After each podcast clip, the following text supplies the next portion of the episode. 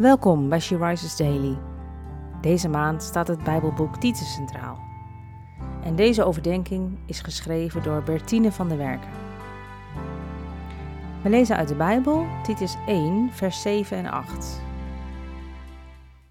Een leider van de gemeente moet als beheerder van Gods huis onberispelijk zijn. Hij mag niet eigenzinnig optreden, niet driftig zijn, niet te veel drinken, niet gewelddadig zijn en niet hebzuchtig. Hij moet juist gastvrij zijn, goedwillend, bezonnen, rechtvaardig, toegewijd en beheerst. Paulus schrijft deze brief aan Titus en Paulus heeft hem achtergelaten op Kreta als leider voor die gemeente, zodat Titus de dingen in orde zou maken die nog ontbraken zoals het aanstellen van ouderlingen.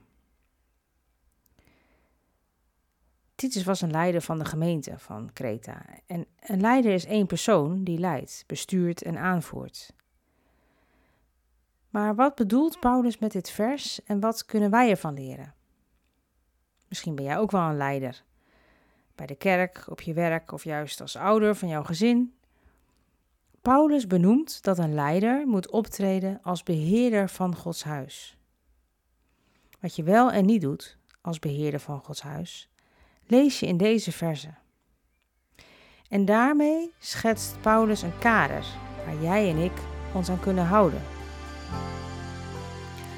Zo kunnen wij en een goede leider zijn en een volgeling van Christus. Ben jij je ervan bewust dat je ook een voorbeeld kunt zijn voor de ander door middel van jouw gedrag.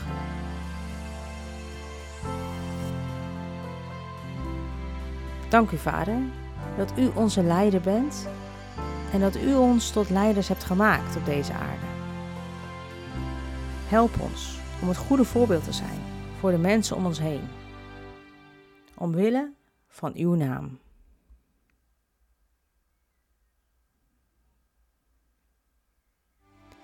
Je luisterde naar een podcast van She Rises. She Rises is een platform dat vrouwen wil bemoedigen en inspireren in hun relatie met God.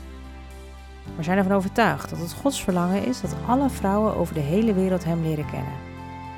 Kijk op www.she-rises.nl voor meer informatie.